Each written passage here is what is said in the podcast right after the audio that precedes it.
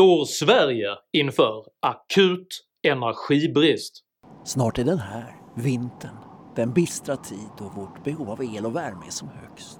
Men redan nu talas det om energikris, både i Sverige och världen. Absolut inte! Sverige exporterar ju el, säger somliga. Samtidigt sägs personal upp och företag stänga ner sin produktion på grund av elbrist.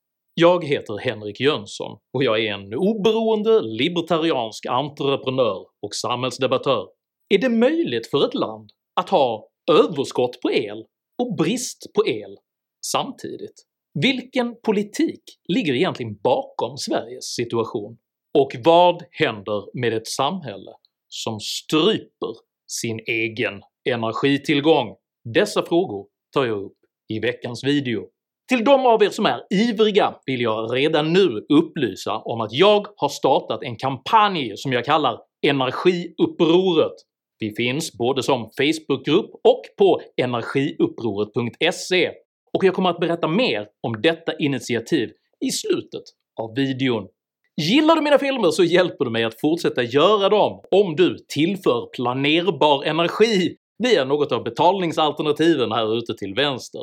Det är nämligen endast genom ert generösa stöd som jag kan upprätthålla spänningsfrekvens nog att publicera en ny aktuell videokrönika varenda vecka. Så ett kraftfullt tack till alla de av er som bistår mig med energi. Är du ny här på kanalen så kan du dessutom med fördel prenumerera här nedanför, se till att klicka på den där energifattiga klockikonen, men prenumerera framförallt på mitt veckobrev som finns länkat i videons beskrivning, så missar du garanterat aldrig när jag släpper nya filmer, vilket jag gör med energisk intensitet varenda lördagsmorgon klockan 08.00 svensk tid. Idag pratar jag om energi, entropi och enfald. Häng med!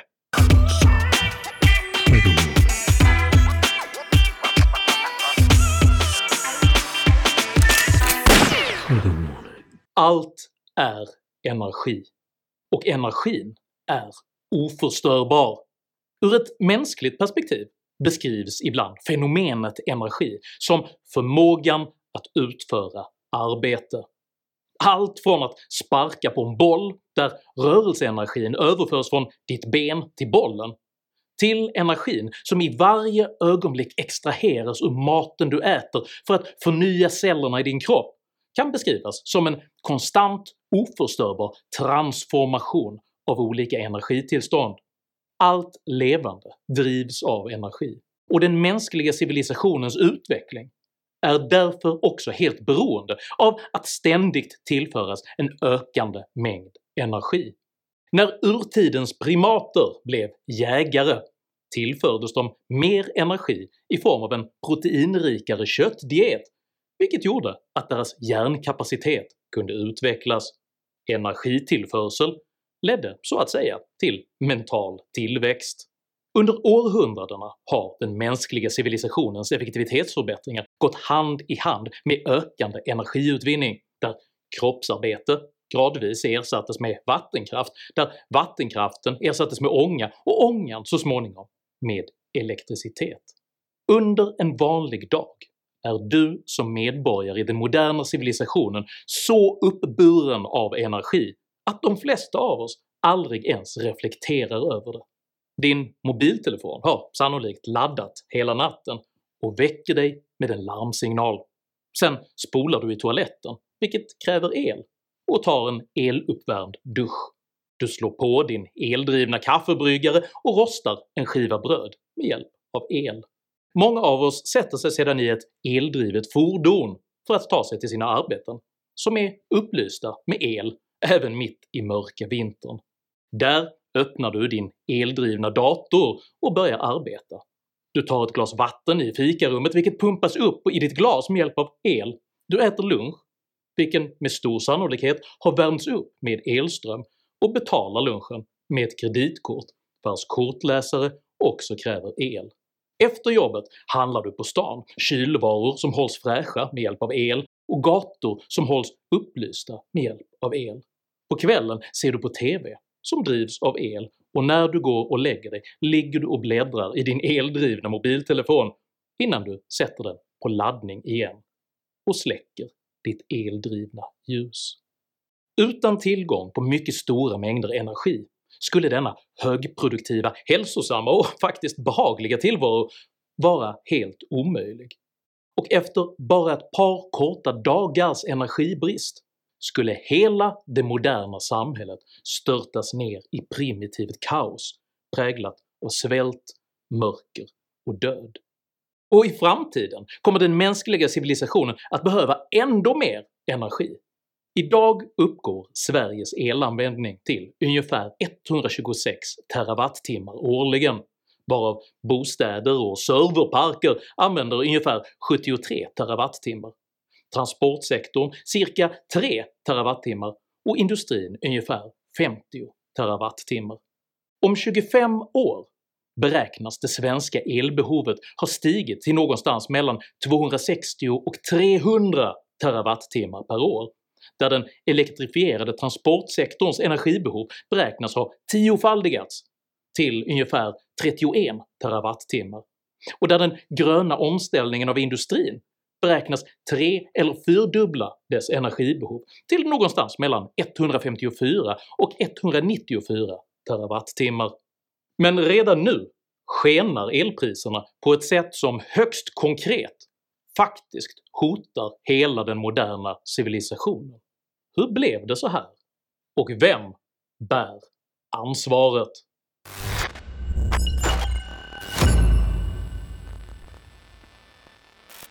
Svenska politiker framställer ofta elbristen som en alarmistisk illusion och beskyller samtidigt gärna marknadskrafterna för de höga elpriserna. Utan det är ju marknaden som avgör om det, hur stor andel kärnkraftsel vi kommer ha i framtiden. I själva verket är både den svenska och den europeiska energibristen en direkt konsekvens av politiska beslut. Den politiska debatten i Sverige har under de senaste 40 åren dominerats av föreställningen att energikonsumtion är problematisk och bör minskas. En attityd som sammanfattas av det på 1970-talet mycket populära begreppet “energihushållning”. Energihushållningen gick i korthet ut på att politiken med priset som styrmedel skulle minska det svenska folkets elförbrukning. I 1975 års proposition om energihushållning anförde statsminister Olof Palme följande “Den första hörnpelaren i vår energipolitik måste bli en medveten strävan att hålla tillbaka energikonsumtionen. Människor är benägna till vissa uppoffringar för att spara energi. Det kan innebära förändringar i levnadsvanor och konsumtionsmönster. 1979 framhöll även den borgerliga ekonomiministern Gösta Bohman energihushållningen som ett önskvärt ideal i proposition 1979-80:150 bilaga 1. I december 1979 fattade riksdagen, på förslag av regeringen, beslut om vissa höjningar av energiskatterna i syfte att premiera hushåll som sparar energi. Det finns anledning att gå vidare på denna väg. Det är därför regeringens avsikt att med hjälp av beskattningen åstadkomma en successivt höjd prisnivå på energi. Året efter framförde Carl Axel Petri, den borgerliga regeringens energiminister, samma ambition i bilaga 1 till proposition 1980-81:90. Under 1980-talet bör enligt min mening priset användas mer medvetet för att uppnå en god energihushållning. Flera bedömare anser att vi måste räkna med en genomsnittlig årlig realökning av priset på energi. 1984 uttrycktes samma ambition igen att genom prisökningar minska energiförbrukningen i propositionen “Riktlinjer för energipolitiken”.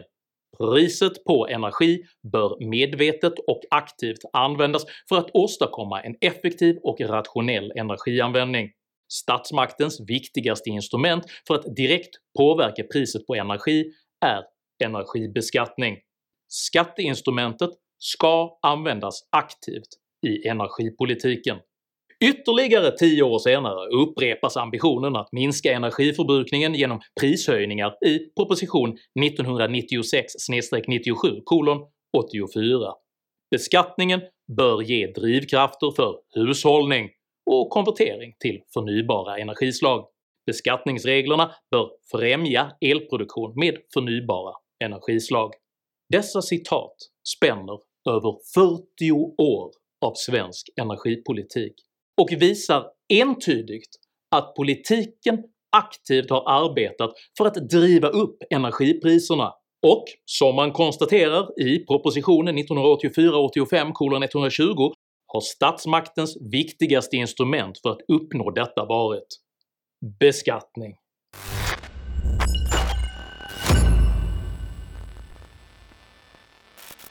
Under 1970-talet utgjorde elskatten ungefär 10% av elpriset. De kommande 10 åren fördubblades denna skatt till 20%. Nästa stora skattehöjning kom 1990 då elen efter en uppgörelse mellan Centerpartiet, Folkpartiet och Socialdemokraterna även belades med moms. Sedan dess har elskatten fortsatt att öka explosionsartat och dagens nivå representerar en tredubbling av den totala skatten på el 1990. Utöver denna allt mer aggressiva beskattning av elkunderna har man dessutom genom politiska beslut straffbeskattat fungerande och planerbara energikällor, vilka man på rent ideologisk grund har velat motarbeta. Kärnkraftens påstådda olönsamhet är ett konkret exempel på denna typ av politiskt framreglerad situation. Redan 1986 förbjöds all forskning om kärnkraft, vilket allvarligt skadade Sveriges kapacitet att modernisera och underhålla dess drift. Utöver detta introducerades under 1990-talet en punktskatt på just kärnkraft som debiterade ett stigande belopp per alstrad megawattimme, vilket i korthet gjorde kärnkraften mindre lönsam ju mer el den producerade. 2014 höjdes denna skatt med ytterligare 17% samtidigt som slutförvaringsavgifterna höjdes drastiskt och fördyrande säkerhetskrav utan bäring på de svenska reaktortyperna genomfördes. Efter alla dessa avsiktligt lönsamhetshämmande åtgärder kunde statliga Vattenfall slutligen säga att kärnkraften var olönsam, vilket i sin tur gjorde det politiskt möjligt att hävda att kärnkraften avvecklades för att marknaden ville det. Det var marknadsskäl som gjorde att ägarna till reaktorerna stängde kärnkraften. Kärnkraften måste bära sina egna kostnader. Vattenfall stängde de här reaktorerna av lönsamhetsskäl. Samtidigt som detta hände uttryckte fortfarande flera privata aktörer fortsatt intresse för att ta över driften av Ringhals 1, och så sent som i våras uttryckte sig Sveriges energimyndighet så här. Med en ökande elanvändning, bland annat på grund av eldriven ståltillverkning som nu planeras i Boden, så kan det bli lönsamt att bygga ny kärnkraft i Sverige. Det skriver Energimyndigheten i sin senaste långtidsrapport. Sammanfattningsvis har politiken alltså på ideologisk grund både gjort elen dyrare genom att elkunderna hårdbeskattas och genom att utvalda elproducenter straffbeskattas.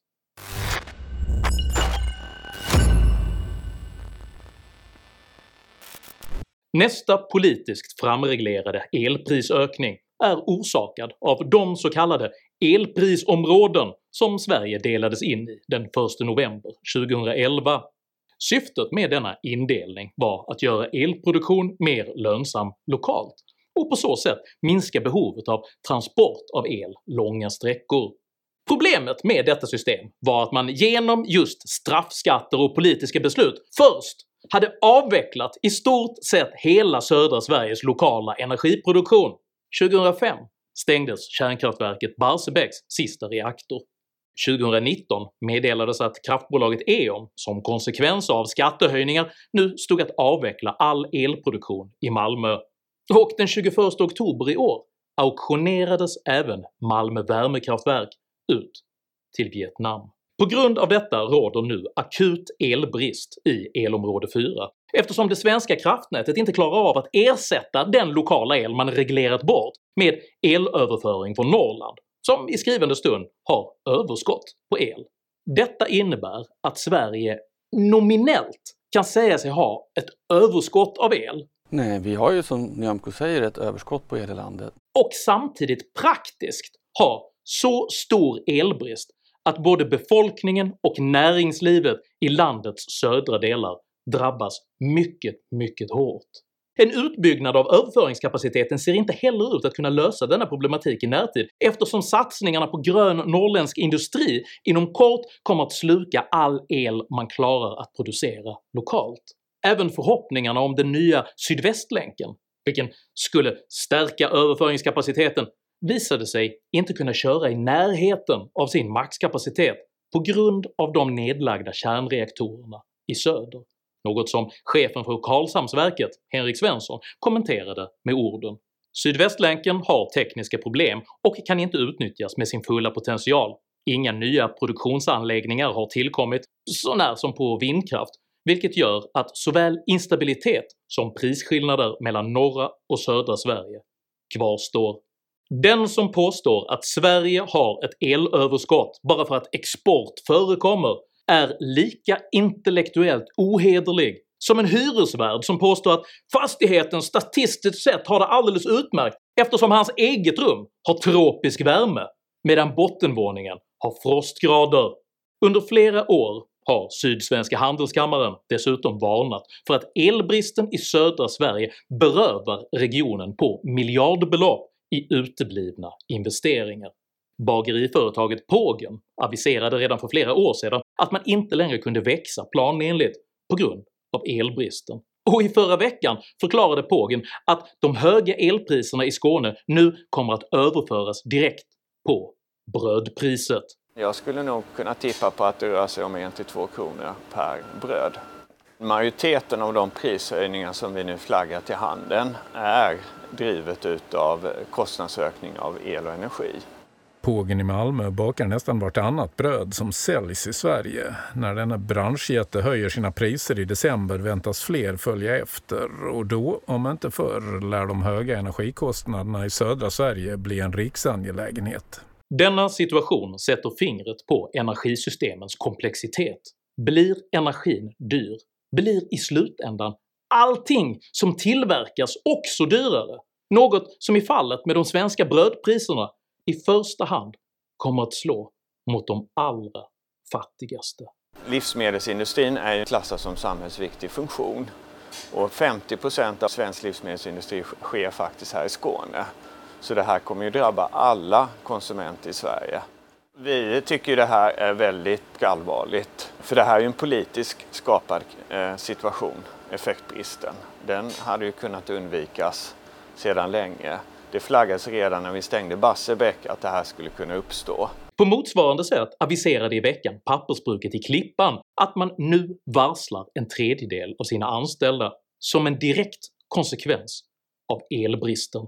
Men nu menar företaget att de höga energikostnaderna som naturgas och el tvingar företaget att dra ner och de varslar 24 av 75 anställda om uppsägning. Problemet är till stor del energikostnader. Vi har ju varit här i 42 år och det är första gången energin är dyrare än personalkostnaderna. Om man gör ett diagram av elprisskillnaden mellan Luleå och Malmö från och med elmarknadens avreglering 1996 så ser vi entydigt att prisskillnader började uppträda först 2011 då elprisområdena introducerades. Om vi zoomar in på denna del så ser man även att elprisskillnaderna fram till slutet av 2019 var relativt små. Den verkligt explosionsartade prisutvecklingen går från normalnivå i början av 2020 till över 1000% i prispåslag under hösten samma år, med ett nytt rekord med 1621% prispåslag mot slutet av året. Båda dessa pristoppar ligger i direkt anslutning till stängningen av Ringhals reaktor 2 i december 2019 samt stängningen av Ringhals reaktor 1 i december 2020. Detta enligt både Nordpols och Statistiska centralbyråns dataunderlag. Den politiskt motiverade avvecklingen av den planerbara energin destabiliserar entydigt hela det svenska kraftsystemet.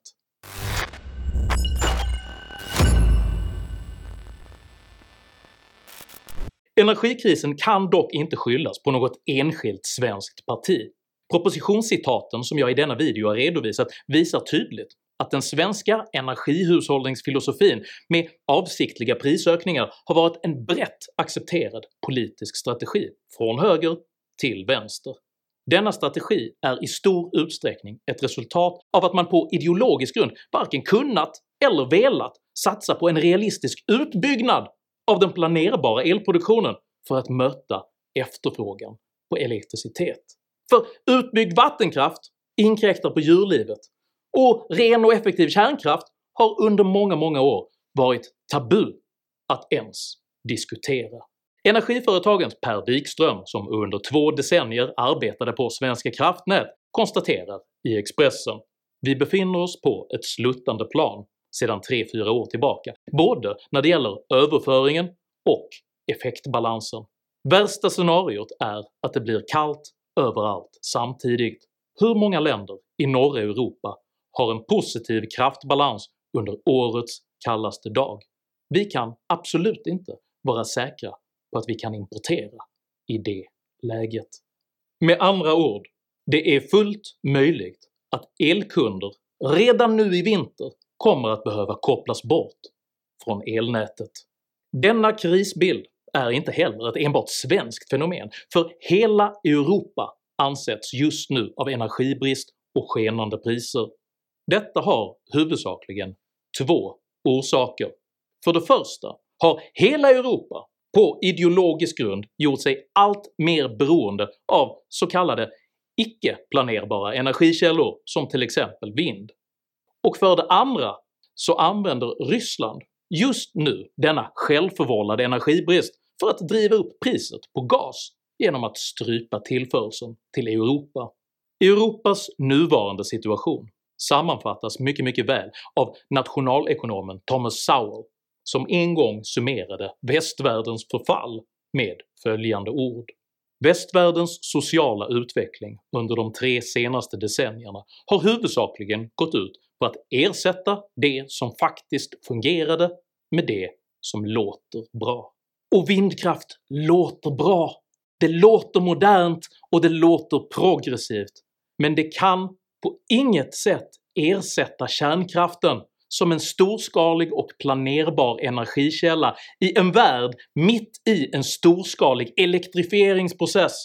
När nu politiker konfronteras med de verkliga sociala, ekonomiska och säkerhetsmässiga konsekvenserna av en flera decennier lång politik baserad på just vad som låtit bra, står de handfallna. Privatpersoner i delar av Europa riskerar att frysa ihjäl i sina hem. Livsmedelspriserna skjuter i höjden och människor kommer att börja förlora sina inkomster, sina arbeten och sina dagligvaror när företag lägger ner, säger upp och begränsar sin produktion till följd av energibristen. Precis som situationen där Ryssland nu utnyttjar Europas självförvållade energibrist till sin egen fördel exponerar detta även hela EU för ett betydande säkerhetshot.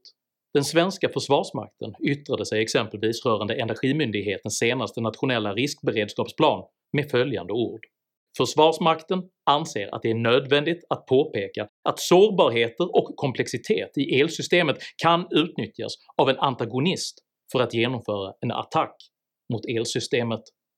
Avsändaren till detta citat är generallöjtnanten och produktionschefen Johan Svensson. Han är direkt underställd Sveriges överbefälhavare Mikael Bydén. Den som stryper civilisationens energi stryper ytterst civilisationen själv. Därför startar jag nu Energiupproret. Energiupproret är en samlingsplats för alla som är missnöjda med den rådande energipolitiken.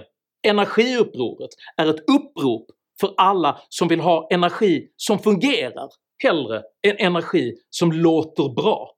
Energiupproret är ett stridsrop för civilisationens behov av energi.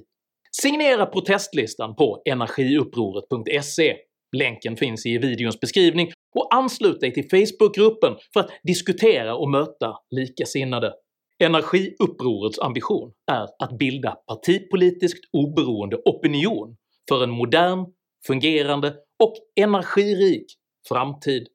Den politiska makten företräder folket, och får vi in 100 000 underskrifter eller mer så kommer jag personligen att överlämna vår protest mot den rådande energipolitiken till riksdagen.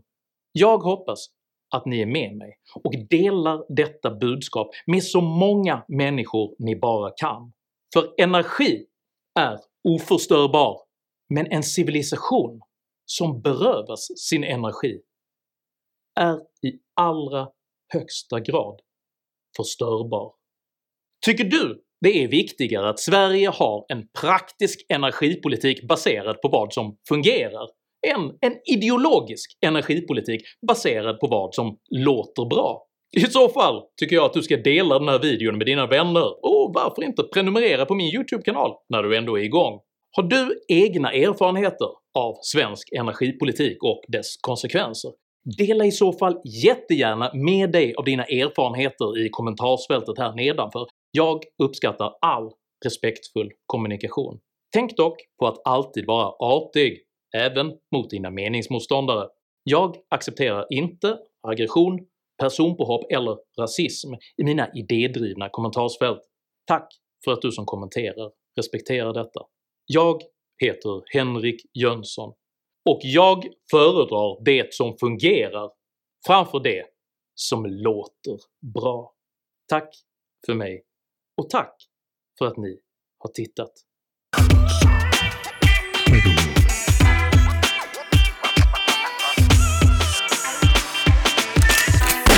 해야 되고요.